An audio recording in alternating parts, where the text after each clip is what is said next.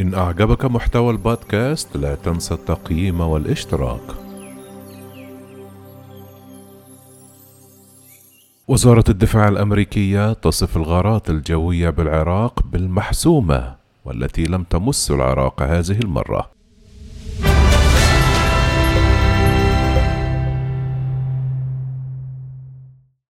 نفذت إدارة الرئيس الأمريكي جو بايدن أول عملياتها العسكرية ردا على الهجمات الأخيرة على الطاقم الأمريكي وقوات التحالف في العراق لكن الضربة التي وصفتها وزارة الدفاع البنتاغون بالمحسومة لم تمس العراق هذه المرة.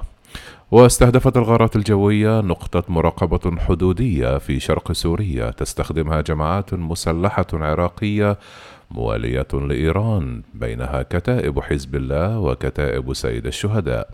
وفي هذا الإطار قال رامي عبد الرحمن مدير المرصد السوري الضربات استهدفت موقعا حدوديا مباشرا بين العراق وسوريا وهو معبر غير شرعي يستخدمه الإيرانيون لنقل شاحنات أسلحة.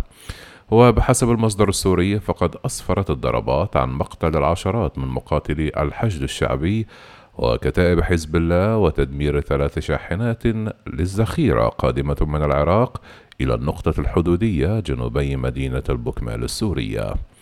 وذكر أنه رصد بعد منتصف ليل الخميس الجمعة استهدافا جويا جديدا طال الميليشيات الموالية لإيران في منطقة غربي الفرات حيث استهدف طيران حربي أمريكي شحنة أسلحة للميليشيات الموالية لإيران من الجنسية العراقية لحظة دخولها إلى سوريا قادمة من العراق عبر معبر غير شرعي جنوب مدينة البكمال بريف دير الزور الشرقي. وتبعث الضربات الجوية الأمريكية برسالة وصفها المتحدث باسم البنتاغون جيمس كيربي بأنها بالغة الوضوح الرئيس بايدن سيتحرك لحماية الجنود الأمريكيين وقوات التحالف. ويقول عبد الرحمن أن العملية سوف تقلق القوات الموالية لإيران داخل الأراضي السورية مضيفا الرد باختيار هذا المعبر هو لحماية القوات الأمريكية داخل سوريا. وبحسب تصريح سابق لكيربي فإن العسكريين الأمريكيين المنتشرين في شمال شرقي سوريا وعددهم حوالي 900 عسكري هم هناك لدعم المهمة ضد تنظيم الدولة الإسلامية داعش في سوريا. والإثنين الماضي سقطت صواريخ بالقرب من السفارة الأمريكية في بغداد بينما استهدف قصف السبت الماضي قاعدة بلدة جوية العراقية الواقعة إلى الشمال مما أدى إلى إصابة موظف عراقي في شركة أمريكية مسؤولة عن صيانة طائرات F-16 وفي الخامس عشر من فبراير أصابت صواريخ خاعرة عسكرية تتمركز فيها قوات التحالف الغربي في مطار إربيل شمال وقتل شخصان أحدهما مقاول مدني أجنبي يعمل مع التحالف.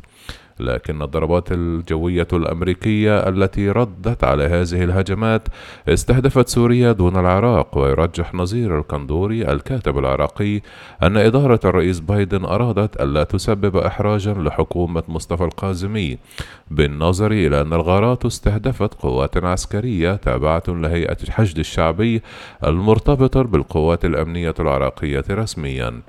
وإذا كانت الضربة وقعت في إيران فكان من شأن ذلك إضعاف موقف القازمية أمام الأطراف السياسية الموالية لإيران وربما الضغط عليه للانسحاب من الحوار الاستراتيجي القائم بين العراق والولايات المتحدة حاليا الأمر الذي لا تريده واشنطن بحسب الكندوري.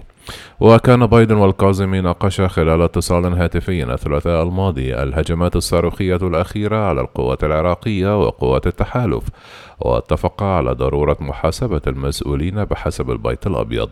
ووقعت هذه الهجمات التي نسبت إلى مجموعات مسلحة موالية لإيران في وقت تسعى الإدارة الأمريكية إلى إحياء الاتفاق النووي الذي نقض في عهد الرئيس دونالد ترامب عام 2018 وعما إذا كانت ضربات البكمال تؤثر على الجهود الأمريكية الرامية لإقناع إيران بالتفاوض على عودة الجانبين إلى الامتثال بالاتفاق النووي قال الكندوري.